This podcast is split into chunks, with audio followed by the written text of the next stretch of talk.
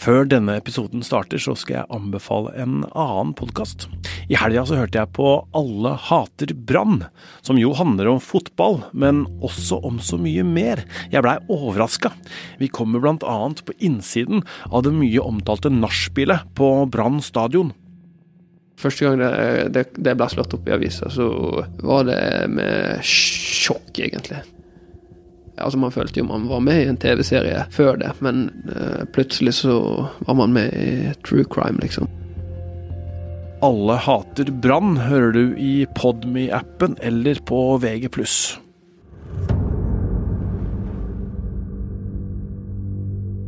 For et drøyt år sia gikk politiet ut med en stor nyhet. De hadde pågrepet og sikta en ny person for drapet på Birgitte Tengs. Folk over hele landet fikk med seg saken. Uh, jeg var helt i sjokk. Kunne ikke forstå og begripe noen tingen. Uh, han var hjemme hos meg tre og en halv uke før, og vi satt i stua og vi satt i bobilen hans. Så, og da gikk jeg, gikk jeg, faktisk rett inn på VG, og det ser jeg ikke bare fordi du sitter her, men det er det jeg gjorde. Og da så jeg liksom at uh, mann i 50-årene siktet. Og da tenkte jeg sånn ok, det må jo være Jonny Vassbakk. Jonny Vassbakk heter han. Inntil nylig har han vært eh, anonymisert i pressen, men nå som han er tiltalt for drapet på Birgitte Tengs, har VG valgt å identifisere ham. Om Jonny Vassbakk er skyldig eller uskyldig, veit vi ikke ennå. Men det som er sikkert, er at det starter en rettssak mot ham i Haugaland og Sunnhordland tingrett. Den 52 år gamle mannen nekter skyld, og det er det flere grunner til, som vi skal gå gjennom seinere. Men først, hvem er Jonny Vassbakk, og hvorfor er han tiltalt for drap? Jeg heter Tor Erling Tømt Ruud, og dette er Krimpodden i VG.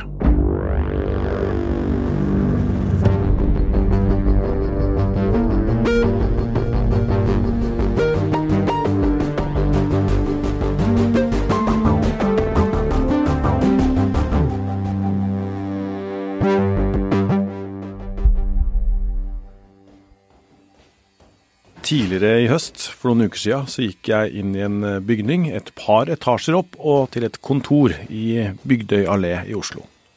Jeg skulle besøke mannen som er en av de som veit mest om Birgitte Tengs-saken, nemlig Bjørn Olav Jahr. Halla. Hei. Stig på. Takk. Fin uh, bygård, da. Jahr har skrevet bok og laga TV-serie om drapet på 17 år gamle Birgitte Tengs. Både boka og serien beskriver hvordan hun blei funnet av en lokal bonde, voldtatt og drept, bare noen hundre meter fra hjemmet sitt på Karmøy. Om dommen mot fetteren hennes, som seinere blei frikjent. Og om hele etterspillet, der etterforskninga og avhørsmetodene har blitt stempla som en av de største politiskandalene i landet. Bjørn Olav Jahr har jobba med denne saken gjennom store deler av journalist- og forfatterkarrieren sin, og han kjenner detaljene godt. Han kan også mye om Jonny Vassbakk, mannen som påtalemyndigheten har tatt ut tiltale mot, og som eh, de derfor mener de kan bevise at står bak drapet på Birgitte Tengs. Eh, jo, februar 2013 så begynte jeg å jobbe med bok, eh, og så gikk det ikke så lang tid før jeg ringte til Grete Strømme, som da hadde vært politisekretær på Haugesund politikammer. Eh, og hun hadde jo fått nyss om Jonny Vassbakk. Altså hadde jo merket seg at han hadde hatt en helt sånn vill flukt fra politiet etter å ha begått masse blottinger på, i Haugesund sentrum. Jahr leste denne rapporten skrevet av politisekretæren Grete Strømme. Hun er en av dem som har pekt på Jonny Vassbakk som mulig drapsmann i mange år. Hva var det du bet deg merke da? Uh, nei, altså jeg bet meg merke i, uh, i uh, volden hans, da. altså det at han hadde, det at han hadde Han hadde allerede som 15-åring så hadde han jo angrepet en kvinne i Skudeneshavn med sykkelpumpe. det gjorde nok til at jeg også bet meg ekstra merke i denne rapporten, og at jeg tenkte at dette må jo være en utrolig interessant person. Og jeg har også snakket med Vi intervjuet jo også damen som ble overfalt. så forteller hun at hun, at hun går, at det kommer en syklist syklende fort forbi henne.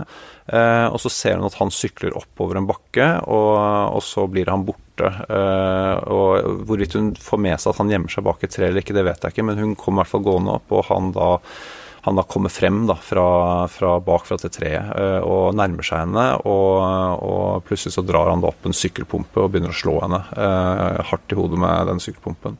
Så hun, etter hvert så har hun også jakken sin over hodet, vet jeg, og så hun prøver liksom å, å beskytte seg fra disse, fra disse slagene. da. Eh, så det er, eh, det er, ganske brutalt. Eh, og, men så gir han seg etter hvert da, også, også, og sier unnskyld og, og, sier at han trodde hun var en annen. Og så, og så, vet jeg, så blir det sagt at han plukker opp skoene hennes og gir den tilbake til henne. Også. Men så begynner han også å spørre liksom, hva hun og mannen gjør på soverommet, og sånne ting, så hun opplever dette overfallet som veldig inngripende og guffent. Og da, så halvannet år senere så bryter han seg også inn hos henne og stjeler da bl.a. noen støvletter og noe, noe skinnkjole og noe skjørt eller noe sånt, tror jeg. Mm. Kvinneklær, ja. kvinneklær. Mm. Jonny Vassbakk blei aldri straffeforfulgt for dette angrepet, som skjedde på 80-tallet, ifølge VGs opplysninger. Men da han var inne til avhør hos politiet et par år seinere, så kom det fram at han hadde stjålet klær av den samme kvinnen. Og da innrømma Vassbakk både sykkelpumpeangrepet og stjerningen, ifølge en politirapport. Og så, i løpet av 90-tallet og 2000-tallet, ble Jonny Vassbakk dømt flere ganger. De fleste dommene dreier seg om krenkende oppførsel og innbrudd hjemme hos kvinner, der han stjal klær og sko fra dem. Jahr forteller at mange visste hvem han var og hva han var dømt for i hjemstedet Skudenes havn. Samtidig er Vassbakk flink til å jobbe, det er der han får utfolde seg. Han har bl.a. lokalmiljøets lengste avisrute, og blir beskrevet som ja, en arbeidsom type.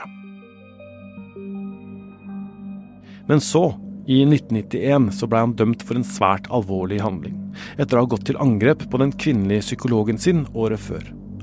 Jahr har tidligere vært i kontakt med psykologen, som forteller sin historie i dokumentarserien om Tengs-saken på TV 2 hun er hjemme hos seg selv og får en telefon, eh, og noen bare legger på. Altså Hun hører bare noe pusting i røret, og så legger, noen, så legger vedkommende på. Og Så går det en stund, og så, og så eh, hører hun at det er noen som er på vei inn i, inn i leiligheten hennes. Da. Og hun sitter på senga og leser, og da kommer da Jonny Vassbakk inn på soverommet hennes.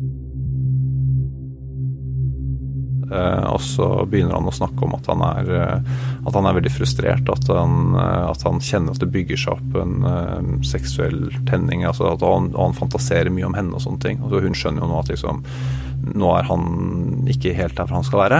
Så hun reiser seg opp og får ham ut av soverommet, og, og, så, og prøver å, å roe ham og prate normalt med han. da og så sier, ber han om å få låne toalettet hennes. da, eh, for, Eller for han trenger å gå og drikke noe vann, er det han sier. Eh, og, så, og, så, blir han kjempelenge borte. Eh, og da, da hun, håper hun at, han, at det er fordi han har gått, men hun, så hun går da inn på badet, kikker inn, og der ligger da ytterklærne hans da, på gulvet. Og så og så ser hun inn på soverommet, og der sitter han ved siden av senga hennes og onanerer. Og, og, hun går ut i stua igjen, og, og så følger han etter henne. Uh, og da prøver han å tilnærme seg henne og holde rundt henne og sånne ting, og liksom for at han, han skal roe henne. da. Og hun prøver å skyve ham bort, og så, og så, plutselig så hiver han da en, en snor rundt halsen på henne og begynner å, å kvele. Uh, og det er jo ja, dramatisk. da, Hun sier jo at det svartner for henne etter hvert. Og, og, at det er akkurat som hun prøver å, å klore og slå, og sånne ting, men hun sier at hun får ikke kontakt. da, for han, er helt, han virker som han er helt borte. Snora ryker. Heldigvis. Psykologen overlever, og Vassbakk blir dømt til fengsel i sju måneder for seksuelt motivert overfall og blotting, står det i dommen. Domstolen pekte på fullstendig manglende impulskontroll, og karakteriserte angrepet på psykologen som svært nær opp til et drapsforsøk. Dette skjedde i 1990. Fem år seinere blei Birgitte Tengs drept, og da psykologen fikk med seg drapet, så kontakta hun politiet. For hun tenkte at eh, Vassbakk kanskje kunne ha noe med drapet å gjøre. Bare fire dager etter drapet på Birgitte så tipser hun politiet om denne mannen, at han er farlig. Men da har politiet hengt seg opp i at, eh, at Birgitte har et langt, lyst hår i hånden. Eh, og de tenker at gjerningsmannen må ha langt, lyst hår. Og, og Jonny Vassbakk hadde kort, mørkt hår tror jeg på den tiden. Kanskje var litt lengde på det, men i hvert fall helt mørkt. Det lange, lyse håret har seinere vist seg at tilhørte Birgitte Tengs sjøl, og det skulle gå over et halvt år før politiet tok Vassbakk inn til avhør første gangen. Han, han forteller selv i avhør at han kjører hjemmefra, eh, og at han kjører inn til Haugesund. Han forteller at han plukker opp to kvinnelige haikere på veien eh, ved stedet som heter Håvik, eh, og så kjører han inn til Haugesund, og så er han der i Enten er han på kino eller så er han på bowling. Han sier at det er det han pleier å være. Men han, han vet ikke hva han har vært på. Det, og noe av grunnen til at han, og naturlig nok kanskje ikke vet det, eh, det er fordi de avhører ham jo først syv måneder etter drapet på Birgitte. Altså Hadde de tatt han inn til avhør tidlig, så, så, hadde man jo hatt kanskje mer kontroll på bevegelsen hans. Og man kunne også forvente at han skulle huske bedre, da. Jonny Vassbakk ble avhørt i Tengs-saken minst to ganger. Begge gangene hadde han status som vitne. Men han forteller den samme historien i begge de avhørene han er i hos politiet. Ett avhør i desember 95 og ett i desember 96. Så forteller han at, eh, at, han, eh, at han kjører inn til Haugesund sentrum, at han er der. Eh, og at han, og at han er der lenge, til sent, og at han kjører hjem. Og at han tror han sier at han er hjemme som halv tre-tiden eller noe sånt. Og fra Haugesund til, til Skudeneshavn så, så, må du kjøre gjennom hele Karmøy. Da kjører du, da kjører du på en måte forbi også Kopervik da, på, på veien, kan du si.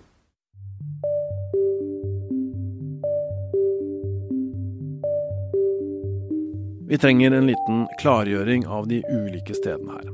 Se for deg en ganske rett linje fra nord til sør. Øverst ligger Haugesund, og hvis man kjører sørover med bil litt over tre kvarter, så kommer man til Skudeneshavn. Det er der Jonny Vassbakk bor. Og omtrent midt mellom de to stedene så finner man Koppevik på Karmøy. Det er der Birgitte Tengs bodde, og det er der hun ble funnet drept tilbake i 1995. Politiet er ganske sikre på at eh, Birgitte Tengs ble frakta i bil til funnstedet, og de har henta inn flere observasjoner av biler i nærheten av dette stedet på drapsnatten. Så det at hun er tatt i bil til åstedet, det er veldig liksom Der er politiet veldig, det er politiet veldig sikre på veldig lenge, og det skjønner jeg veldig godt at de er sikre på. Så, så da tar de inn alle disse folka som har kjørt rundt på Karmøy uten å ha alibi eh, drapsnatten, og da er jo Jonny Vassbakk en av de.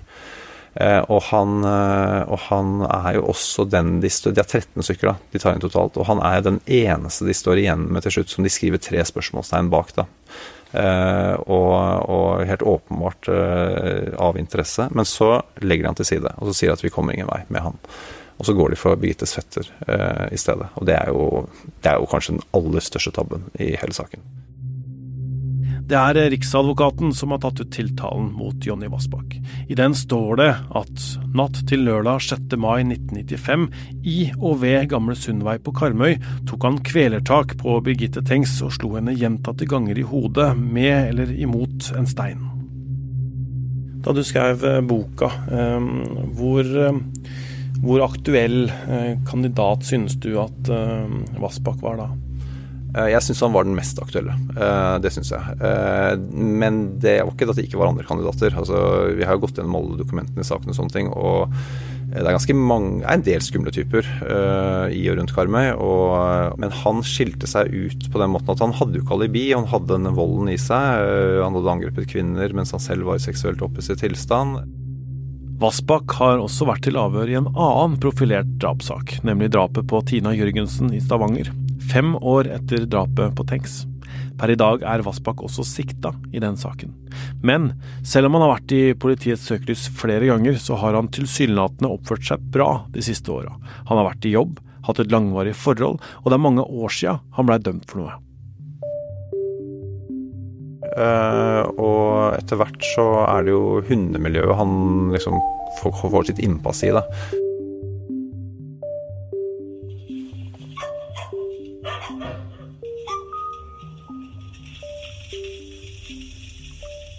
Må få godbit hver kveld, skjønner du. Det er mange. Ja. Hvordan klarer du å vite forskjell på alle? Det er ikke vanskelig når du kjenner dem. Nei. Journalist i Krimpodden, Natalie Remu Hansen, blir vist en video av en dame som heter Randi Pettersen. På videoen kan man se mange, kanskje ti dagshunder, som samler seg rundt beina på matmor for å få tak i noen leverbiter. Dachsen er en sånn eh, lav, men lang, muskuløs liten jakthund. Randi forteller at de har en sterk personlighet, at de er smarte og sta. Er Dachs alltid så brune? De er røde, og så er det sort tenn, og så er de brune, og så er de eh, noe som heter møl. Randi er i slutten av 50-åra. Hun er praktisk kledd i allværsjakke og joggesko, og hun har drevet med oppdrett av dachs i flere år. Og en av hundene på videoen som hun viser fram, er Jonny Vassbakk sin. Det er hans. Ja, og det er hans. Den svarte der, og det var den valpen som han henta fra meg. Den. Hvor mange hunder har Jonny? Seks. Hva heter valpen hans, da? Han heter Clementina. Randi passer de seks hundene til Jonny Vassbakk mens han sitter i varetekt og venter på rettssaken.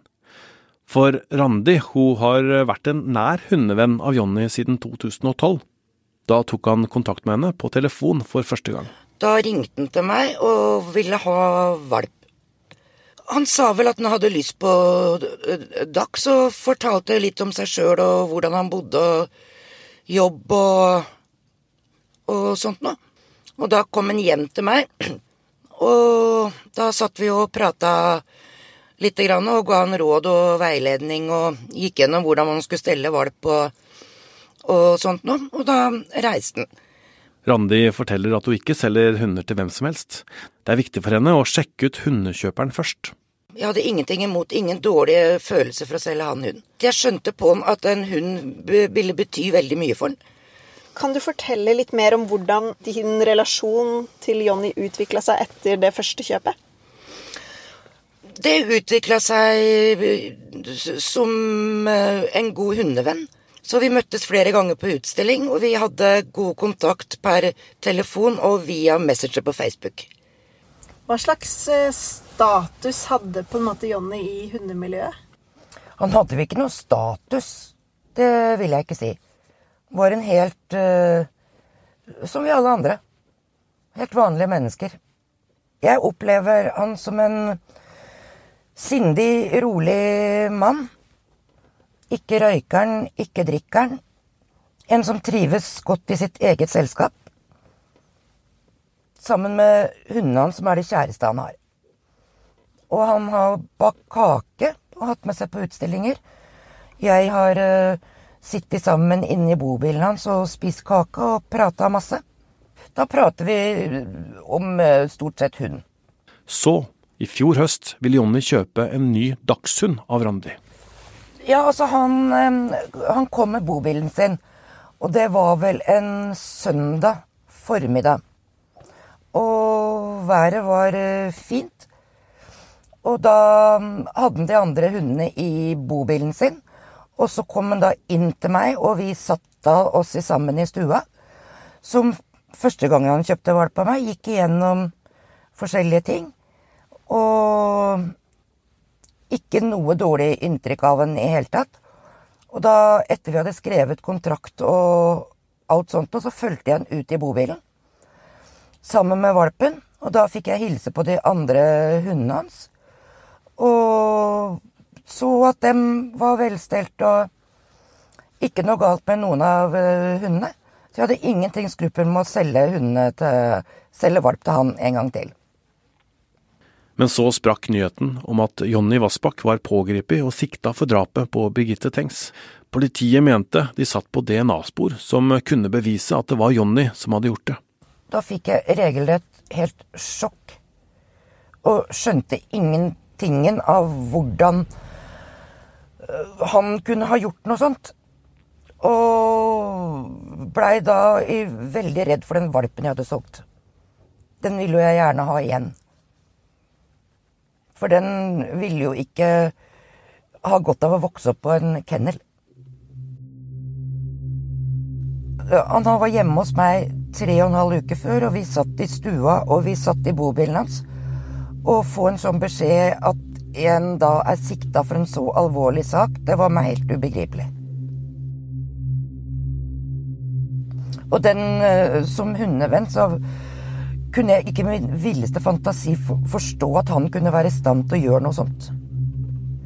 Og jeg hadde jo aldri solgt en valp til, hadde jeg visst om verken fortid eller siktelsen. Hvorfor er det viktig for deg å passe hundene hans nå?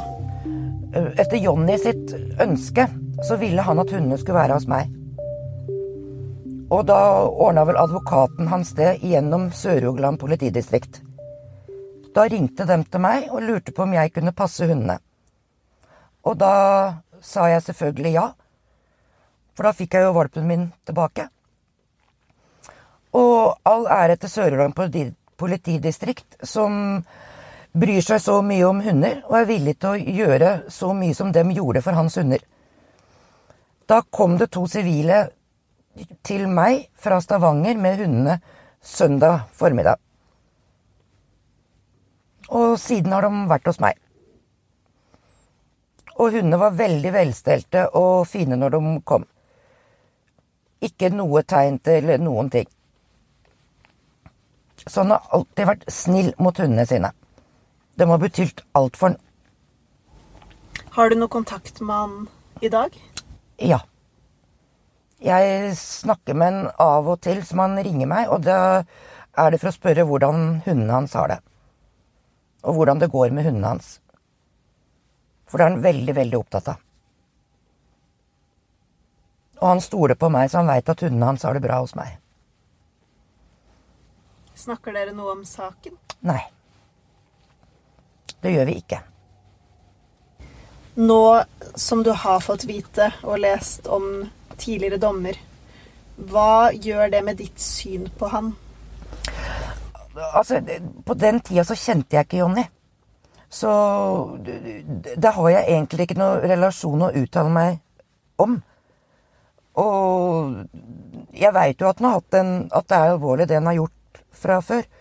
Men han har sona det. Og han har klart å gå videre. Jeg syns det er veldig vanskelig.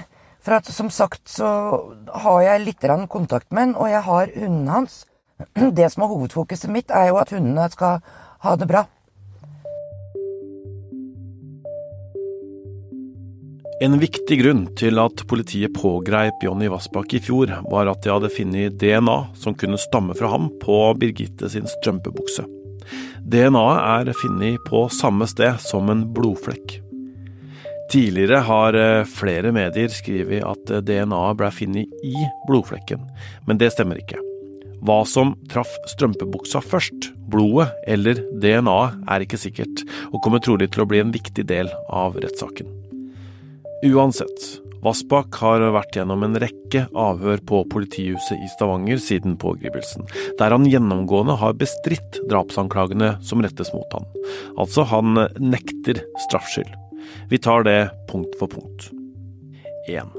Politiet mener Vassbakk var på samme sted, med bil i samme tidsrom som Birgitte Tengs før hun ble drept. Vassbakk mener han ikke kjenner til den konkrete veien som strekker seg forbi åstedet, og sier han aldri har vært der. 2. Politiet mener at straffehistorikken som involverte flere kvinner, gjør ham til en potensiell moduskandidat. Vassbakk har sjøl sagt at han alltid har brutt sammen og erkjent i tidligere straffesaker, men nå står han på sitt. 3. Politiet mener bilkjøring generelt var sentralt i Vassbakk sitt liv på den tida. Han kjørte unge jenter rundt når de skulle på fest. Vassbakk har fortalt at han plukka opp to kvinner som haika med ham til Haugesund kvelden før drapet, men at han dro rett hjem natta etter, uten å stoppe noe sted, ifølge et vitneavhør fra 1996. 4. Ifølge politiet mangler Vassbakk alibi på drapstidspunktet. Et bankuttak viser at han befant seg langt unna åstedet under tolv timer før drapet. Det gir ham ikke alibi, men det knytter ham heller ikke til åstedet. Og så er det det etter hvert mye omtalte DNA-funnet på strømpebuksa til Birgitte Tengs. Etter hvert som ny teknologi har kommet til, så har strømpebuksa hennes blitt undersøkt på nytt. Og de første resultatene viser et DNA-funn som pekte mot nettopp Jonny Vassbakk. Den første analysen kunne riktignok også gjelde flere andre menn. Men så viste nye undersøkelser at Jonny Vassbakk har en såkalt mutasjon i sin Y-profil, som ingen av hans mannlige slektninger har. Du trenger ikke forstå alle detaljene i dette, men Bjørn Olav Jahr, han journalisten og forfatteren som har skrevet bok om saken, mener i likhet med politiet at dette er et godt bevis. altså da, da, de arresterte han og de hadde denne Y-profilen på innsiden av strømbuksene, så tenker jeg sånn at uh, det er eh, bra bevis, bra støttebevis, kan du si, i tillegg til det andre. Så her, her var man vel liksom litt på det samlede bevisbildet. Men så kom den der mutasjonen uh, i den uh, Y-profilen hans, og, og da tenker jeg da har det gått fra å være et bra bevis til å bli et svært sterkt bevis. Den drapstiltalte har i minst to politiavhør fått informasjon om DNA-funnene i saken. Han har vært sjokkert over resultatene og stilt seg uforstående til dem, får VG opplyst.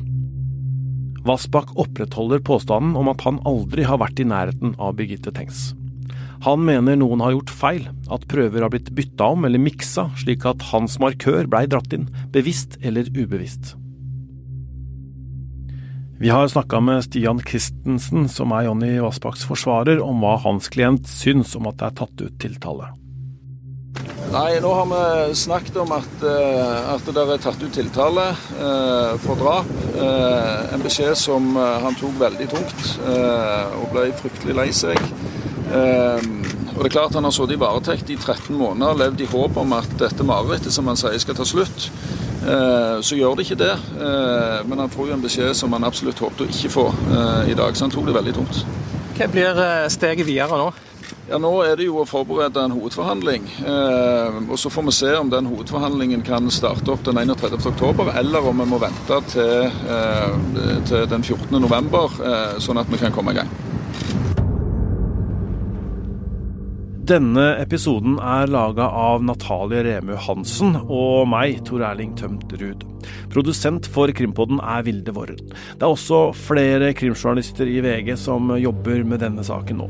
Morten Hopperstad, Synne Eggum, Thea Rosef, Anne Sofie Mengon Aasgard, Stig Øystein Schmidt og Håvard Kristoffersen Hansen.